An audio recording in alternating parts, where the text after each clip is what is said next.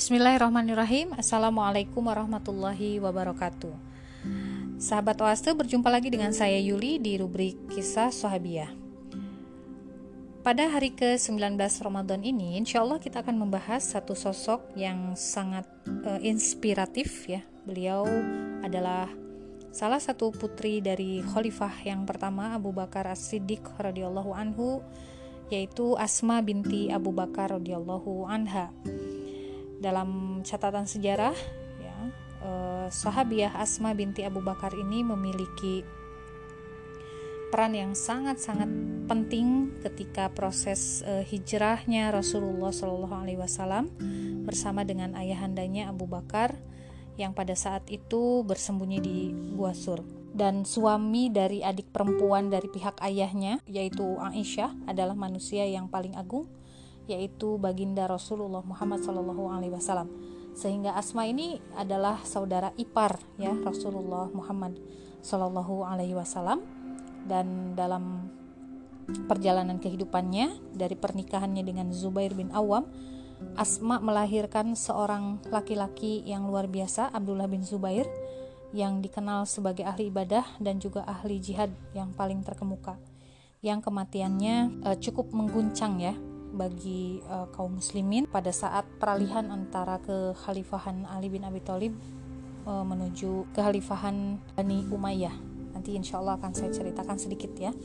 Nah, jadi seperti itulah latar belakang kehidupan keluarga ya seorang Asma binti Abu Bakar radhiyallahu anhu. Asma binti Abu Bakar ya ketika menikah dengan Zubair bin Awam pernah menuturkan uh, beliau berkata saat menikah denganku Zubair itu adalah orang yang tidak memiliki harta benda tidak memiliki budak ya, tidak memiliki barang apa pun kecuali seekor kuda. Aku selalu menyiapkan makanan dan merawatnya aku menumbuk kurma yang sudah matang, memberinya makan dan minum. Selain itu, aku juga menjahit sendiri tempat minum dari kulit dan juga membuat adonan roti.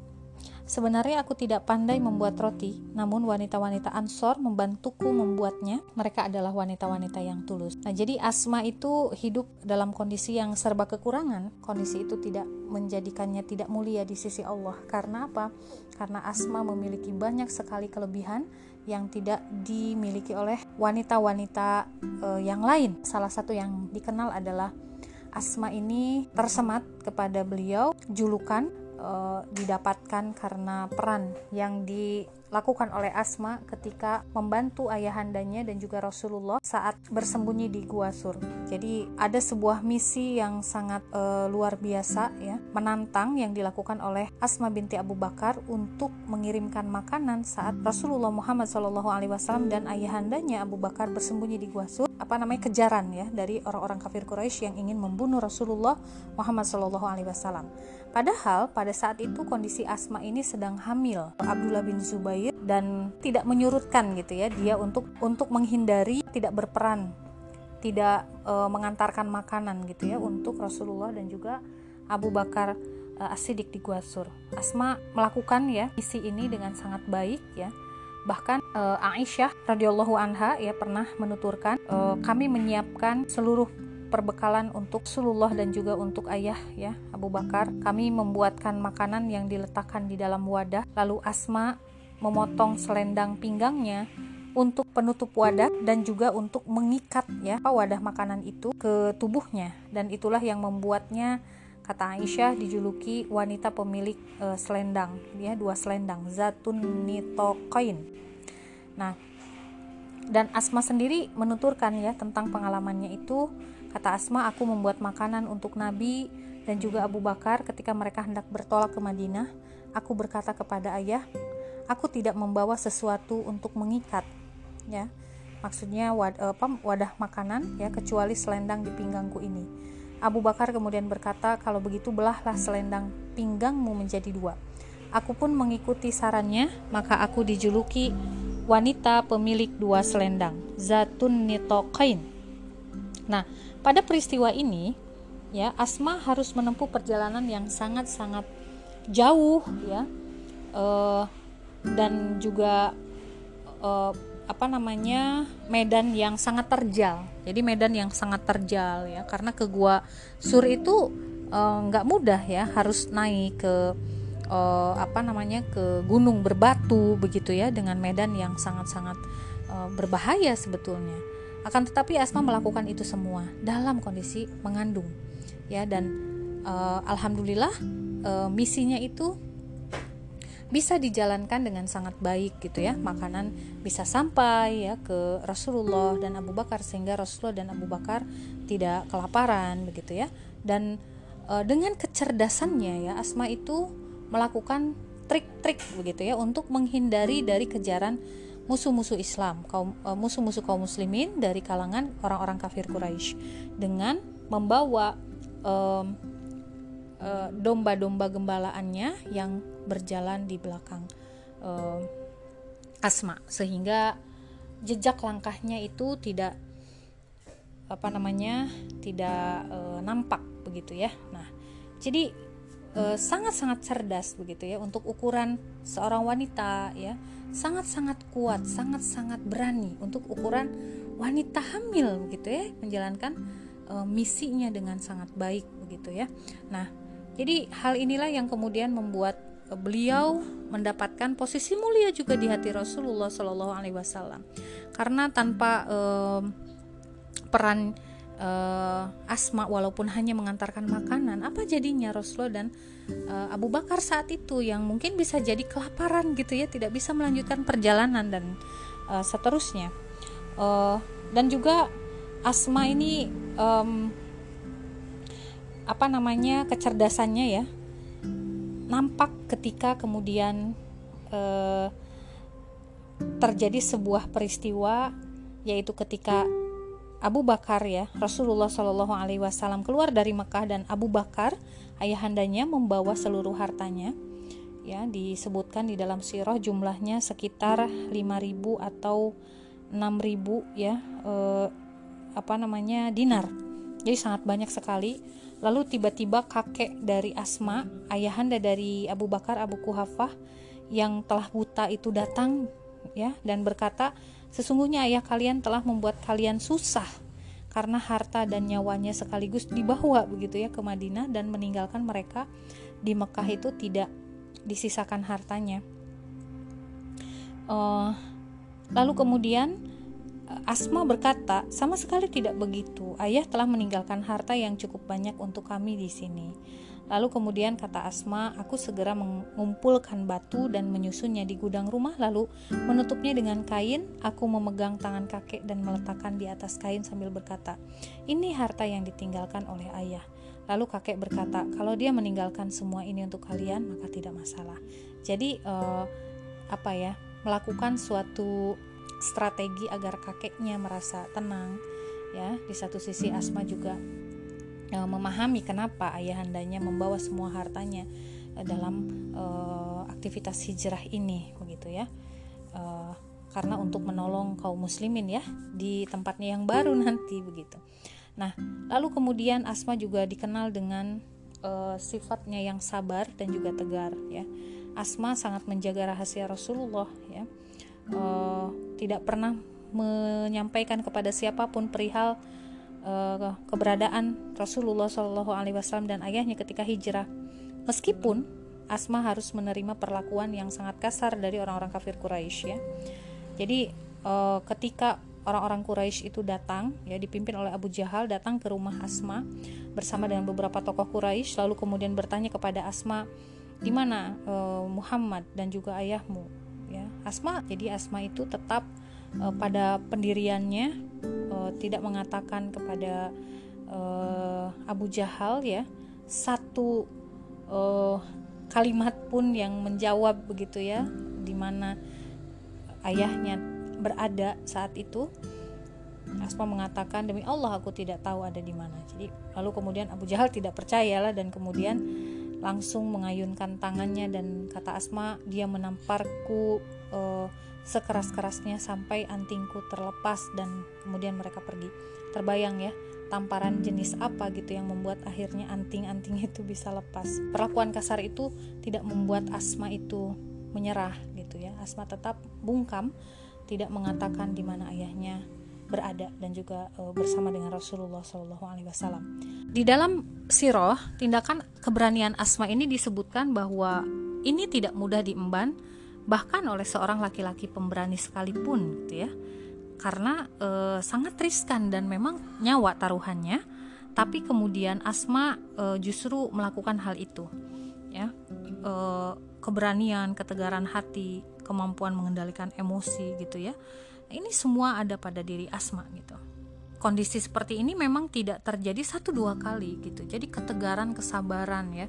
Kestabilan emosi dari Asma binti Abu Bakar ini nampak ketika anaknya Abdullah bin Zubair ini mendapatkan ujian yang sangat berat gitu ya.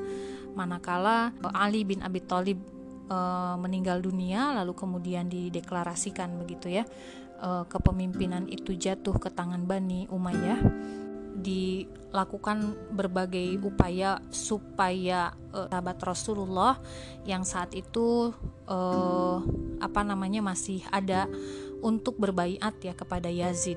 Nah, salah satu yang ditargetkan adalah Abdullah bin uh, Zubair ini ya anaknya Asma atau cucunya uh, Abu Bakar As-Siddiq. Uh, yang lainnya yang ditargetkan adalah Husain bin Ali dan lalu kemudian satu lagi yang ditargetkan untuk dimintai bayatnya adalah Abdullah bin Umar yang saat itu masih ada ya. Nah, jadi sahabat-sahabat uh, Rasulullah yang masih ada di masa-masa akhir ya kekhilafahan uh, Rashidah ini ya, uh, mereka menjadi uh, target untuk legalitas ya kepemimpinan Bani Umayyah. Akan tetapi banyak kaum muslimin yang tidak menghendaki itu sehingga kemudian mereka justru menginginkan Husain gitu kan yang naik gitu. Nah, tapi uh, qadarullah ya uh, Husain yang saat itu ada di Karbala kemudian dikejar dan dibunuh ya dipenggal kepalanya oleh pasukan Yazid bin Muawiyah Lalu kemudian demikian halnya dengan Abdullah bin Zubair ya. Akhirnya Abdullah bin Zubair ini memproklamirkan diri sebagai khalifah yang sah yang didukung oleh penduduk e, Mekah, Kufah ya dan lain sebagainya.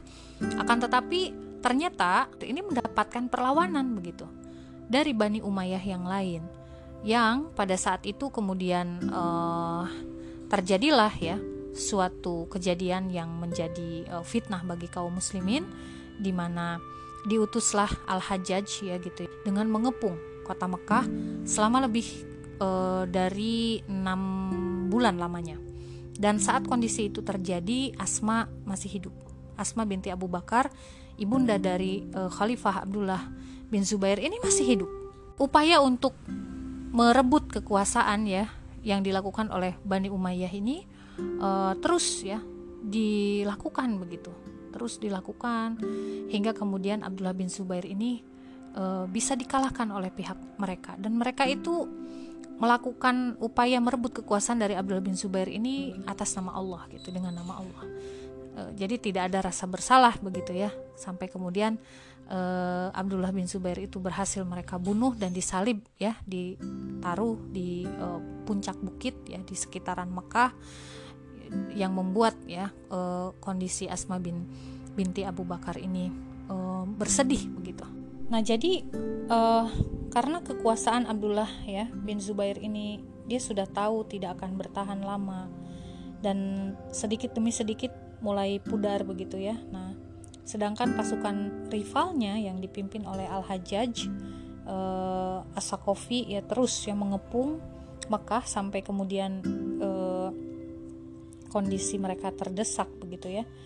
Sebenarnya Abdullah bisa saja ya dia e, mengakui kesalahan minta ampun gitu ya. Tapi itu tidak dia lakukan karena dia berada dalam posisi yang benar begitu. Dia memperjuangkan e, apa yang memang sesuatu hal yang memang e, apa namanya tidak bertentangan begitu.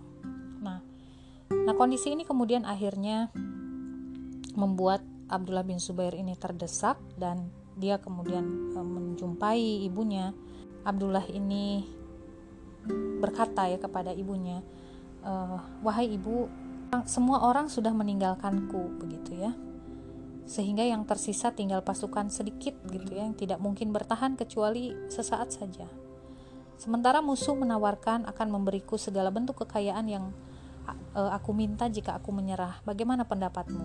Asma menjawab, "Demi Allah, engkau lebih mengerti tentang dirimu sendiri. Jika engkau benar-benar yakin dalam kebenaran, maka majulah. Ingatlah telah banyak pengikutmu yang terbunuh karena mempertahankan kebenaran. Tapi jika engkau menginginkan kekayaan dunia, maka engkau adalah sejelek-jeleknya manusia. Engkau telah menghancurkan dirimu sendiri dan semua orang yang telah terbunuh karena mendukungmu. Jika engkau mengatakan, "Aku akan mundur," itu adalah bukan sikap orang yang bebas dan bukan sikap orang yang taat beragama.